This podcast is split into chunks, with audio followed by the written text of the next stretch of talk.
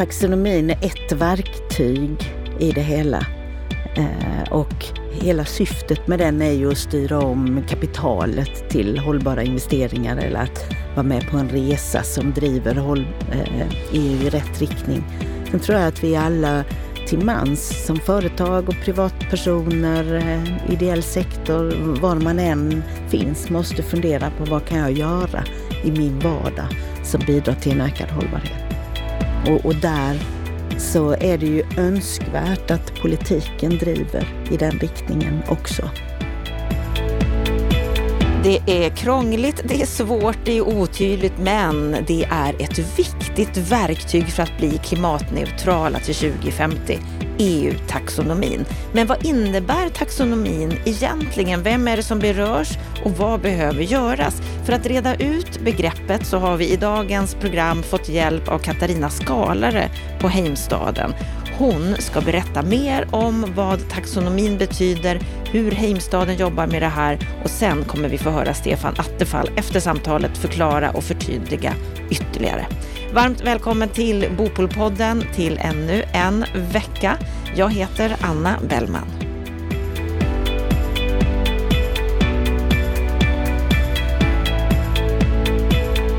EU-taxonomin, ja det är ett av de verktyg som ska hjälpa oss att bli klimatneutrala till 2050. Men vad innebär den egentligen? Ger den någon effekt? Idag ska vi få lära oss mer, reda ut begreppen, vem det är som berörs, hur det kan påverka branschen. Och för att reda ut de här begreppen så har vi tagit in en expert på området. Varmt välkommen till Bopolpodden, Katarina Skalare. Hej, tack så mycket för att jag fick komma hit. Och jag börjar att ställa samma fråga till dig som jag alltid gör här i podden. Vad är din sinnesstämning idag? Oj, intressant. Eh, den är nog ganska neutral, lätt positiv skulle jag vilja säga. Lätt positiv. Ja. ja. men det känns ju bra. Då kanske det blir ett positivt samtal. Det här också. Strålande sol ute, det gillar jag. Ja, det är det när det här spelas in. Det gillar vi. Det är nästan lite vår i luften, även om snön är kvar på backen.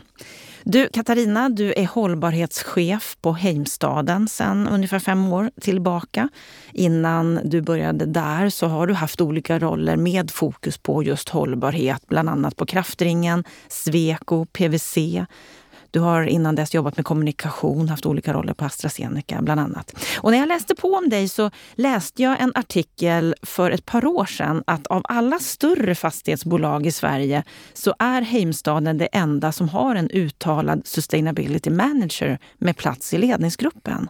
Stämmer det? Eh, det stämmer. Det var så när den artikeln skrevs. Jag vet inte om det har skett någon ändring kan det ha gjort. Jag har inte kollat upp det, men vid det tillfället så var det bara Heimstaden. Ja, och det är bara ett par år sedan som sagt den artikeln skrevs. Varför tror du att det inte är större fokus inom fastighetsbolagen på det här området? Eh, kanske för att det är en ganska traditionell bransch eh, som ofta gör saker som man alltid har gjort dem. Och de här frågorna har varit lite komplexa. Eh, man har inte riktigt förstått hur man ska hantera dem. Vissa frågor har varit självklara som energi och energianvändning, energieffektivisering. Men det har kommit så mycket andra eh, frågor också och då är det nog lätt att man låter någon vid sidan om sköta det. Men eh, jag skulle vilja säga att på Heimstaden förstod man ganska snabbt att, eh, att frågorna hörde hemma i affärsstrategiska beslut. Så att när jag gick in i en anställning, jag var ju konsult först, när jag gick in i en anställning så var det en självklarhet att, att jag skulle tillhöra ledningen och rapportera till koncernchefen. Betyder det här att andra bolag, att branschen, byggfastighet generellt sett är dåliga på hållbarhet? Nej, det skulle jag inte vilja säga. Och det beror lite på eh, vad man tittar på för område. Tar vi Sverige så har man jobbat väldigt mycket eh, med hållbarhet om man tänker ur ett fastighetsperspektiv. För det har också varit lönsamt att göra det. Eh, om man energieffektiviserar så minskar man sina egna kostnader. Men i många andra europeiska länder så eh, är det inte så. Utan det direkt faktureras till hyresgästen eller att hyresgästen har egna avtal. Och då finns det inte något incitament för fastighetsägaren att göra investeringar i fastigheten det gör vi skillnad på nu. Vi är ju inne i tio europeiska länder. Så att vi har väldigt starkt fokus i alla våra länder på att, att jobba på samma metodiska sätt i alla länder för att minska vår energianvändning och vårt klimatavtryck. Hur går det? Eh, det går hyfsat bra mm. tycker jag. Energieffektiviseringen går fantastiskt bra. Vi har minskat energianvändningen per kvadratmeter med 11 procent mellan 2021 och 2022. Det är vi, eh, ja, mellan de årsrapporterna snarare. Eh, och det är vi väldigt stolta över. Och med tanke på energisituationen, hur det ser ut i Europa, eh, så eh, är det en nödvändighet. Så inte minst kostnaderna för våra hyresgäster, men också för oss själva såklart. Så att eh, det tycker jag går bra. Tittar man utsläppsmässigt så har ju det fossila innehållet i energibolagens energiproduktion ökat det här senaste året. Så att även om energianvändningen minskar så kan eh, utsläppen öka. Mm, speciella grejer att hålla koll på och jobba med. Och idag ska vi fördjupa oss i EU-taxonomin. Och om vi ska börja, vi ska få liksom en, en liten utbildning av dig här för att verkligen förstå vad är det här för någonting. Om vi ska börja precis där, vad är EU-taxonomin? Mm. Man skulle kunna förklara EU-taxonomin som en klassificering av vad man tycker är att betrakta som hållbara ekonomiska aktiviteter. Och då har man med EU-taxonomin adresserat de tyngsta utsläpparna i Europa. Eh, fastighetssektorn är en sån del. Fastighetssektorn står för ungefär 36 procent av energianvändningen i Europa och 40 procent av utsläppen. Så det är klart att att, om vi kan ställa om och bli mer hållbara så är det värdefullt för, Då ger en för väldigt stor Europa effekt. och för världen och planeten. Och varför inför EU just den här klassificeringen? EU har ju ett mål om att vara klimatneutrala till 2050. Och det här är ett av styrinstrumenten för att man ska nå det målet. Eh, och man instiftade fyra olika lagar som riktar sig mot finansiell sektor, där EU-taxonomin är en av dem. Eh, för att ställa om investeringarna så att eh, investerare och banker ska vara mer villiga i att satsa i hållbara aktiviteter eller vara med på omställningen till hållbarhet. Så att det är en styrmekanism och just EU-taxonomin eh, riktar sig inte enbart mot finansiell sektor utan riktar sig mot företag också och, och företag i branscher som omfattas av taxonomin framför allt. Och när det gäller då fastighetsbranschen, vilka omfattas där? Mm. Ehm, det är alla som äger fastigheter skulle jag vilja säga. Men är man ett litet bolag så kanske man, ehm, man inte har så stor verksamhet så att eh, det får något avgörande avtryck. Men eh, för oss då som ett stort bostadsfastighetsbolag, så när vi tittar på vilka ekonomiska aktiviteter som sker i vårt bolag, så är ju 100 procent av vår verksamhet som träffas av taxonomin. Det kallas på fackspråk för att vi är taxonomy eligible. Det, det innebär att, att allt vi gör i vårt bolag träffas av taxonomin. Och vad är det då ni måste ta hänsyn till? Då måste eh, vi, lagkravet säger att vi måste redovisa hur vi linjerar med taxonomin. Så att investerarkollektivet som man vill få att investera i hållbarhet eller i en omställning ska tydligt kunna se vilka bolag som är värda att investera i och vilka som inte är det. Och eh, då finns det lite olika kategorier i EU-taxonomin. Både förvärv och ägande av fastigheter är ett område man adresserar. Nyproduktion är ett annat. Energieffektivisering som leder till 30-procentiga effektivitet i, i energianvändningen är ett annat område. Och sen olika typer av investeringar och underhåll av av till exempel solceller, det kan vara laddstolpar, det kan vara energisystem i fastigheterna och så. Så att det finns eh, en rad olika områden som vi behöver förhålla oss till. Och då behöver vi redovisa till exempel hur stor andel av vårt befintliga bestånd linjerar med taxonomin? Alltså tickar av tröskelvärdena för vad som anses vara hållbart. Och eftersom vi har till stora delar ett äldre bestånd så är det en jätteutmaning för fastigheterna i sig kanske inte är så energieffektiva. En hållbar fastighet har antingen en EPC-klass A som är högsta energiklass ehm, eller tillhör topp 15 procent i energiprestanda. Och en fastighet från 50-talet kanske inte har den kapaciteten att, att falla in under det tröskelvärdet. Ehm, så det är ju en utmaning och som vi har sett lite som en risk att man ska styra om investeringar till nyproduktion. För det, och det vore ju direkt ohållbart att riva mm. gammal bebyggelse. Och vad innebär det här då med det äldre beståndet? Kommer ni behöva riva äldre byggnader och bygga nya för att leva upp till taxonomin? Nej, det kommer vi inte att göra för det finns ju den här kategorin med investeringar i hållbar riktning som man gör i fastigheten. Att öka energieffektiviteten. Så eh, när vi har en capex, när vi sätter en budget för att investera i våra fastigheter så, så kan vi säkerställa att vi tickar av de kriterierna som taxonomin ställer vid den eh, renoveringen som gör att vår, istället vår capex blir hållbar. Inte själva fastigheten, men capex. Och vad är capex? Och, eh, det är budget för investeringar i fastigheten. För när det här kom till, så att säga i december 2020, då var ni ute och uttalade er, både, både du och Patrik Hall som är VD på Heimstaden. Och det han bland annat sa då i en artikel, det var att taxonomin innebär i praktiken att befintligt fastighetsbestånd över hela Europa kommer att förpassas till sidlinjen. Och istället skapas det en situation där det kan bli mera fördelaktigt att riva existerande byggnader i förmån för nya, vilket vi menar är ohållbart ur ett klimat och råvaru perspektiv. Men där är vi alltså inte menar du? Eh, nej, vi är inte riktigt där för att eh, efter att EU hade gått ut på en sån här konsultationsrunda, remissrunda, så gjorde man vissa justeringar. Så att eh, innan var det bara EPCA som kunde betraktas som, som hållbart.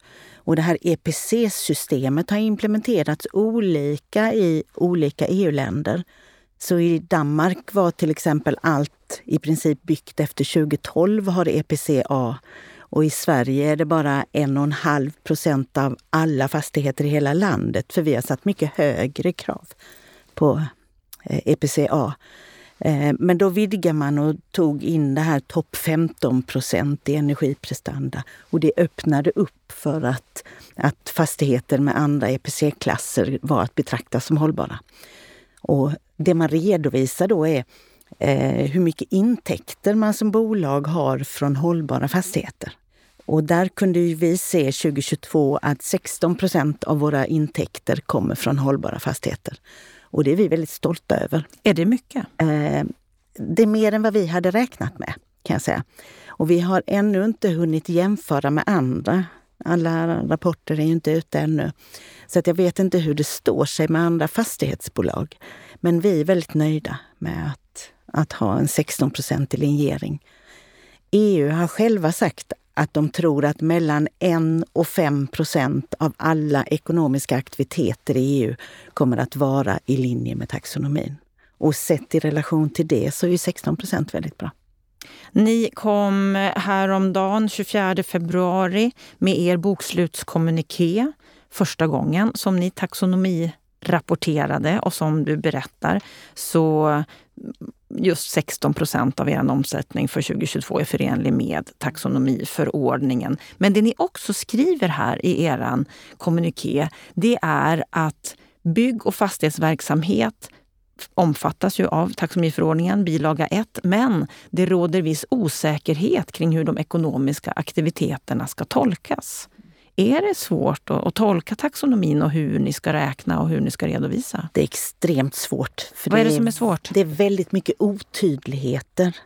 Eh, EU har inte varit tydliga i vad de menar med allting så att vi har fått göra policyval som vi har fått kommunicera. Och där kan vi ha gjort andra policyval än vad andra aktörer har gjort.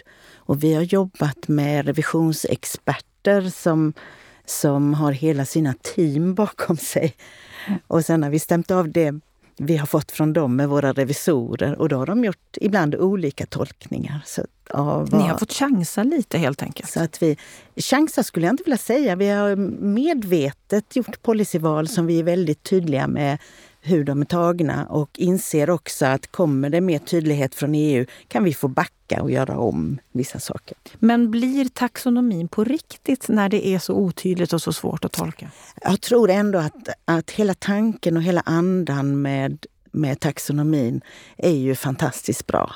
Att ställa om Europa och styra bort från fossila bränslen, att öka på hela omställningen. Så att i grund och botten så tycker jag personligen att det är jättebra. Men jag tycker att EU-taxonomin är ett stort och trubbigt verktyg och kriterierna man ställer funkar inte alltid. Mm. Den implementerades ju 1 januari förra året, 2022. Då menade man att de företag som omfattades av taxonomin skulle redovisa eligibility, säger man så? Och sen nu i första januari 2023 så skulle man också redovisa alignment för samtliga av de tekniska screeningskriterierna. Det är väldigt mycket fackspråk mm. här. Vad betyder det, den här det, nya delen? Det är extremt komplext skulle jag vilja säga. Och eh, en av komplexiteterna är om man ska ticka av alla de här kriterierna, vad som är hållbart då. Om vi renoverar ett hus, eh, låt säga i Tyskland. Vi energieffektiviserade, vi isolerades så att det är tätare. Vi byter fönster och eh, skruvar på energisystemet. Så för att investeringen i fönster till exempel ska vara betraktas som hållbar, då har man, eh, måste man sätta in ett speciellt sorts fönster Ehm, för att det har EU bestämt att det är ett hållbart fönster. Men sätter man in det fönstret i en fastighet som inte har ventilationsanläggning så finns det risk att det blir för tätt och att huset möglar. Och det vore ju totalt ohållbart ur ett fastighetsförvaltningsperspektiv. Så då får vi sätta in ett annat fönster. Men då kan inte vi taxonomilinjera kostnaden för det fönstret. Så då måste vi särredovisa, plocka ut vilka av våra åtgärder tickar av alla krav som taxonomin ställer. Och vi måste ju också dokumentera det så vi kan ge bevis till våra revisorer att det stämmer. Det låter som att det blir ett väldigt stort jobb. Det är ett jättestort jobb. Alltså det är ett enormt stort jobb. Eh, och vi behöver ju tagga varenda faktura vi får in utifrån taxonomin eh, egentligen. Så att det man ska leva upp till, det är ju både vad som är betraktas som eh, hållbart när man gör själva investeringen. Sen finns det kriterier som heter Do No Significant Harm, gör ingen väsentlig skada. Och då är det ytterligare miljöfaktorer som man ska ticka av. Och sen finns det något som heter minimum safeguard som är sociala faktorer som kan handla om rättvisefrågor, kan handla om mänskliga rättigheter, arbetsvillkor och liknande som också behöver tickas av för att hela eh, kostnaden då ska kunna gå att linjera som hållbar. Och går det då att räkna hem detta? För det är ju otroligt viktigt om näringslivet ska säga ja tack och amen och verkligen fullt ut göra någonting. Att man känner att det här är investeringar som vi kan räkna hem ekonomiskt.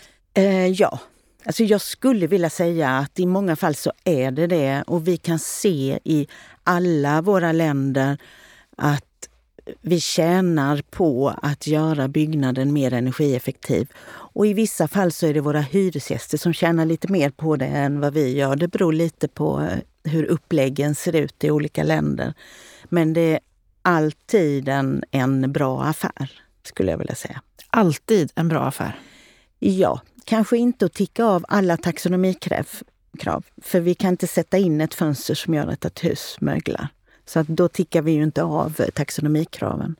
Men det här blir också ett sätt för oss att visa upp för finansiell sektor att vi är ett företag som är på en resa och vi förstår vår roll i omställningen till ett hållbart samhälle. Och vi vill visa på att vi är med på det tåget. Vilka effekter skulle du säga att, att taxonomin får? Eh, det synliggör ju för både banker och investerare vårt arbete och vårt fokus. Och för dem är det viktigt. De har ju också flera andra lagar som tvingar dem lite i hållbar riktning eller i alla fall att vara transparenta med om de går i hållbar riktning eller inte. Och det är klart att det underlättar för dem. Eh, om vi har en bra och tydlig och korrekt redovisning av vår linjering så kan de fatta bättre beslut i sina investeringar i vårt bolag. En sak som, som jag funderar på när, när, när jag läser om det här, det är ju som du säger, det får många intressanta effekter. Det går att räkna hem det ekonomiskt. Men samtidigt så kommer fjärrvärmen troligen att klassas som en övergångsteknik. På sikt så ska biobränsle fasas ut. Är det positivt? Alltså det här det är ju så komplext och jag brukar säga att man ska ha rätt energi på rätt plats. Alla kan inte ha samma lösning. Det vore inte hållbart. Så jag tycker det är tråkigt att man går i den riktningen. Sverige hade ju inte haft så fina resultat om vi inte hade haft fjärrvärmen. Så att jag vurmar ju för fjärrvärme. Sen vill jag ju att fjärrvärmen ska bli renare såklart. Men, Men för Sverige är inte det här bra, att det ses men, som en övergångsteknik? Både ja och nej. Det beror ju på vad vi kan hitta för andra tekniska lösningar. Men jag skulle vilja säga att, att fjärrvärmen behövs och är en värdefull energikälla för oss jag tänker på en debattartikel som Svante Axelsson i, på, från Fossilfritt Sverige skrev för snart två år sedan. Han menade att taxonomin riskerar att bromsa omställningen. Och där skriver han bland annat så här att genom att inte ta hänsyn till hela livscykeln när det gäller fordon och bostäder så missar taxonomin en chans att skapa marknader för hållbart producerade basmaterial som exempelvis fossilfritt stål. Ett annat problem gäller nyckeltal för bostäder som gör att det klassas som mer grönt att bygga nytt istället för att renovera, vilket kortsluter det cirkulära tänkandet. Och bara för att gå tillbaka till det vi pratade om för, har de här riskerna undanröjts eller lever vi fortfarande där att det kan bromsa omställningen? Alltså, det kan ju bromsa omställningen om investerarkollektivet, finansiell sektor, eh, inte förstår att, att eh, man måste vara med på den här resan att ställa om. Om man vill gå in och bara investera i redan hållbara fastigheter så riskerar det ju att bolag som är på en resa med äldre fastigheter inte får kapital till att kunna växa eller driva vidare. Eller så. så på så sätt så, så finns den risken, ja. Nu, nu tycker jag att väldigt många är, är kloka vi har ju mycket dialoger med både banker och, och investerare. Och eh, jag tycker att de har ett klokt resonemang och att de inser att alla ekonomiska aktiviteter kan inte linjera med taxonomin. Ehm, så att risken har ju inte blivit uppenbar för oss i alla fall. Men, men det är klart att det finns en risk. Kommer det ske fler tillämpningar, fler saker att ta hänsyn till framåt som kan göra att ni kan komma att behöva ändra hur ni redovisar? Absolut. Det kan komma förtydliganden som gör att vi behöver ändra våra policyval vi har gjort och behöver redovisa om. Eh, men vi vet också att det kommer... Nu har det ju EU tagit fram taxonomier för två miljömål. Det kommer fyra till. Det kommer fyra områden till som kommer att få taxonomier. Plus att man arbetar med en social taxonomi Eh, om, om vad som är betraktat som socialt hållbart. Eh, så det är klart att det här är förändring hela tiden. Och tröskelvärdena kommer att skruvas åt. Nu är det topp 15 procent i energiprestanda av befintligt bestånd som, som är att betrakta som hållbart. Men, men det värdet kommer ju att förändras över tid och ställa högre och högre krav eftersom vi går mot netto noll. Eh, och här är det ju så oerhört viktigt också att energibranschen är med och de träffas ju också av taxonomin. De har ju också ett helt avsnitt där. Men, men för oss är det så oerhört viktigt att den energi vi köper är så hållbar som den kan bli. Vi kan skruva på våra fastigheter, på energisystemen, vi kan se till att isolera och så. Men eh, om vi eh, får fossila bränslen i systemet så får vi ändå utsläpp. Mm. Vad är det svåraste med, med EU-taxonomin skulle du säga? Jag tycker för eh, Heimstadens räkning eh, eftersom vi har verksamhet i så många länder så är det en komplexitet. För, för det är nästan så att man har förutsatt att det ser likadant ut överallt. Men EU-direktiv är implementerade olika i nästintill alla våra länder. Det finns inte någon harmonisering idag, vilket hade varit att önska. Och jag är inte så säker på att man kommer att mäkta med att göra det heller. Utan att man kommer lägga på varje nations bord att sätta sina olika tröskelvärden och så. Och eh, det blir svårt. Vi behöver ha koll på hur det ser ut i tio länder då och försöka förklara och kommunicera det på ett sätt som är greppbart för våra intressenter. Men är EU-taxonomin bra? Ger det effekter med tanke på allt det här jobbet? Jag tycker ändå att det är det. Jag tycker ändå att det är det. Och jag tycker att, att vi har hittat ett bra sätt att ta oss an eh, det här arbetet. Och vi har fått väldigt bra support i det.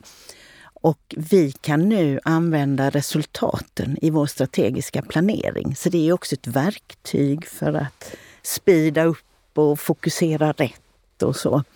Och blir det en uppspidning, går det fortare med EU-taxonomin att nå ja, klimatneutralitet? Ja, vi har ju redovisat för första gången nu. Det är först nu vi har siffrorna och kan titta på dem. Är vi nöjda med det här?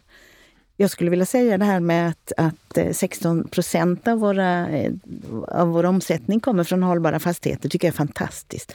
Men jag är inte nöjd med att 11 procent av våra capex-planer eh, eller capex-investeringar är linjerade. Där vill jag ha en betydligt högre.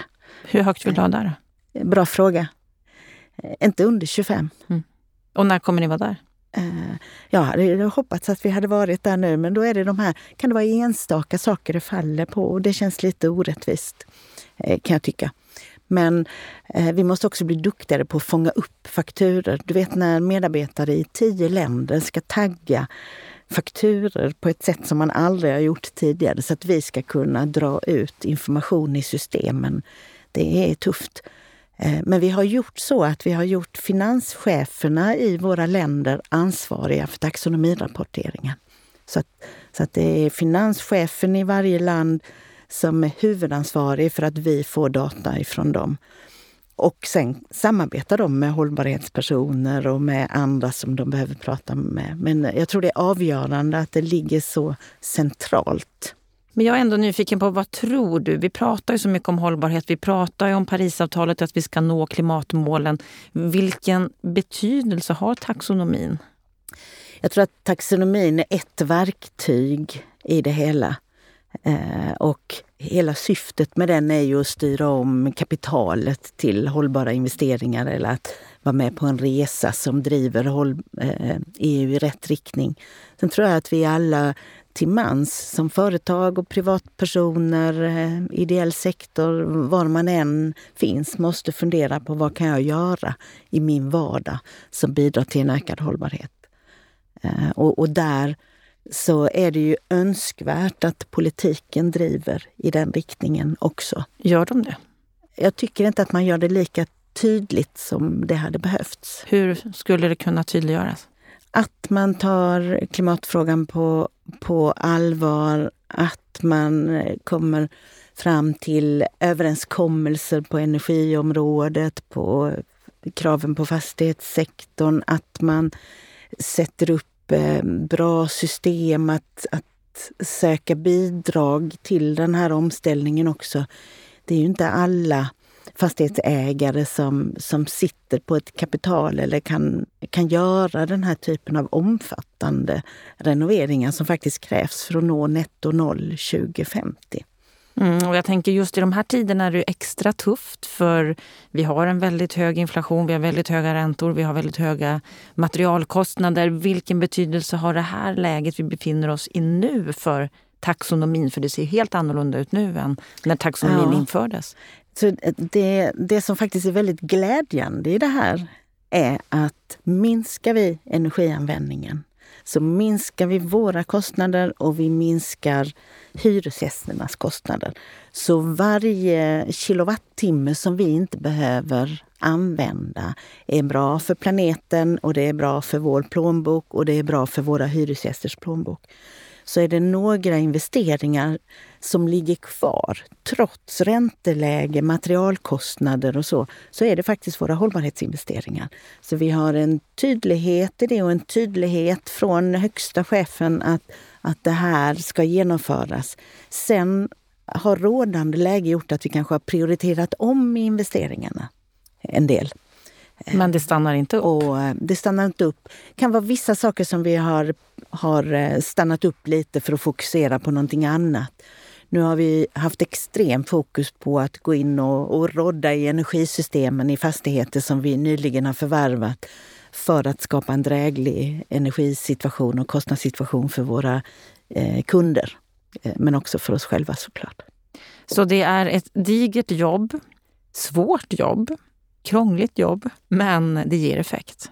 Ja, jag skulle vilja säga att det ger det. Det känner man inte när man är mitt i själva rapporteringen. Men, men faktiskt så, så är ju hela tanken med taxonomin fantastiskt bra. Stort tack Katarina Skalar för att du kom och berättade för oss om EU-taxonomin. Tack själv.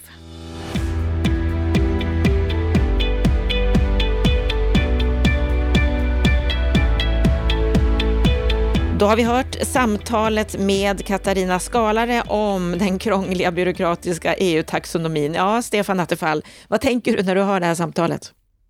Ja, men det var en nyttig kunskapsgenomgång. Jag, har ju, jag ska ju säga till ärlighetens namn att jag sitter ju själv då i, i Heimstaden bostadsstyrelse, så att jag har ju varit med om att fatta en del av de här besluten som hon talar om, men jag tycker att det är en bra och nyttig genomgång av det här. Eh, fastighetssektorn är ju en viktig aktör när det gäller både energiförbrukning och klimatpåverkan. Man talar ju om uppåt 40 procent av energi förbrukas ju i fastighetssektorn. Och så ska man komma ihåg också ett företag som Heimstaden som har eh, fastigheter i både nordiska länder men också länder som Tjeckien. Där man ju all uppvärmning sker med kol. Det är koleldade kraftverk. Det är klart att kan man minska energiförbrukningen i sådana länder får enorm effekt på klimatpåverkan. Eh, medan Sverige har vi då mycket, mycket mindre av klimatpåverkan genom att ha mycket mer fjärrvärme.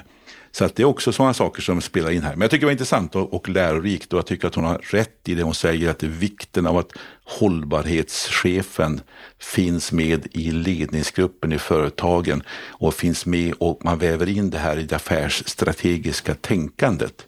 Det tror jag är en, sak, en viktig sak att skicka med till alla aktörer som finns i, i alla de här företagen. Så hållbarhetsfrågan är viktig, taxonomin är krånglig, men kan den ändå leda till det här sista du pratar om, att, att det blir ett större fokus på det här, att vi får se ja. mer av ledningsgruppens ansvar så att säga? Det tror jag. det tror Jag Jag tror att det, det, det, det, det hon beskrev var ju en krångligt system och det är krångligt och det behöver förenklas på många sätt. Men kraften när EU gör det här gemensamt kraften i att man tvingar fram de här redovisningarna, hållbarhetsredovisningarna, jämförelserna, att man ska förhålla sig till saker. Det tvingar fram det också att det måste bli en fråga för cheferna, för högsta ledningen. Så att det, det tror jag verkar för detta. Men det är ju också att det blir också kraft i hela den här, ska vi säga, arbetet mot att göra allting i linje med taxonomin och försöka då att klassificera så många fastigheter som möjligt nu, för att ta fastighetsbranschen som exempel, i en, en, en, att, de, att de uppnår de här eh, olika klasserna. Så att det, här är en, det här är en kraft som driver utvecklingen åt rätt håll. Och jag vet ju också att när investerare idag, jämfört med för några år sedan, eh, ska investera i fastighetsbranschen så ställer man frågor om just hållbarhet. Alltså det nu finns det med på agendan. Det finns med som ett renlighetskrav att man måste ha, uppnå vissa nivåer. Så att det, det händer jättemycket i näringslivet vill jag påstå. Det är en kraft som är igång. Eh, det finns barnsjukdomar, det finns problem, det finns byråkrati, men kraften går åt rätt håll och det här kommer mer och mer in. Och bara för att ta ett exempel här med Heimstaden så vet jag att vi har ett investeringsprogram på 7 miljarder i just för att uppnå de här målen som vi har satt upp, för att uppnå Parisavtalets mål. Eh, och det är ju investeringar som också vi kan räkna hem ekonomiskt. Ja, för Så det där är en viktig grej som, som vi pratade en del om. Går det verkligen alltid att räkna hem ekonomiskt? Ja, alltså kanske inte den enskildaste posten, men totalt sett måste man ju förena affärsnyttan och hållbarheten. Det är då du får kraften i omställningen. Och jag tycker att det finns många exempel som tyder på detta. Sen skulle jag personligen kanske helst vilja haft en högre koldioxidbeskattning i hela EU. Då hade vi fått mycket av det här som ett självspelande piano nästan. Men, men även här händer ju saker inom EU med utsläppshandel som blir allt, eh, allt eh, tuffare stå, som en slags variant på det hela. Och Sverige har ju också sedan tidigare haft en ganska hög koldioxidbeskattning. Många länder saknar ju det. Så att jag tycker att det, det rör på åt rätt håll, politiken, men också näringslivet. Glöm inte kraften som finns när näringslivet kommer igång och just får ihop den ekonomiska nyttan med hållbarhetsnyttan. Och när du får det att gå hand i hand, det är då du får en enorm kraft i omställningen. Så därför är jag optimistisk om att vi håller på att gå åt rätt håll. Så vi kommer att bli klimatneutrala till 2050? Eh, jag hoppas det. Jag törs inte vara så kategorisk, men jag tror att vi är på väg. Och kan vi fortsätta på det här och eh, eh, vässa de här generella instrumenten gärna också i botten, då tror jag vi kommer att kunna få den här utvecklingen och då tror jag näringslivet kommer vara de som går före. Mm. Ja, det är krånglig byråkrati, det är svårt att veta hur man ska tolka allting, det finns otydligheter, men kraften är stor och kommer att leda framåt. Stort tack Stefan för din kommentar. Tack till dig som lyssnar på Bopolpodden. På fredag då är vi tillbaka igen med veckans Aktuellt, det senaste som har hänt under veckan som har gått. Och sen kommer ett nytt samtal nästa måndag igen. Jag hoppas att vi hörs då och ha nu en riktigt fin vecka.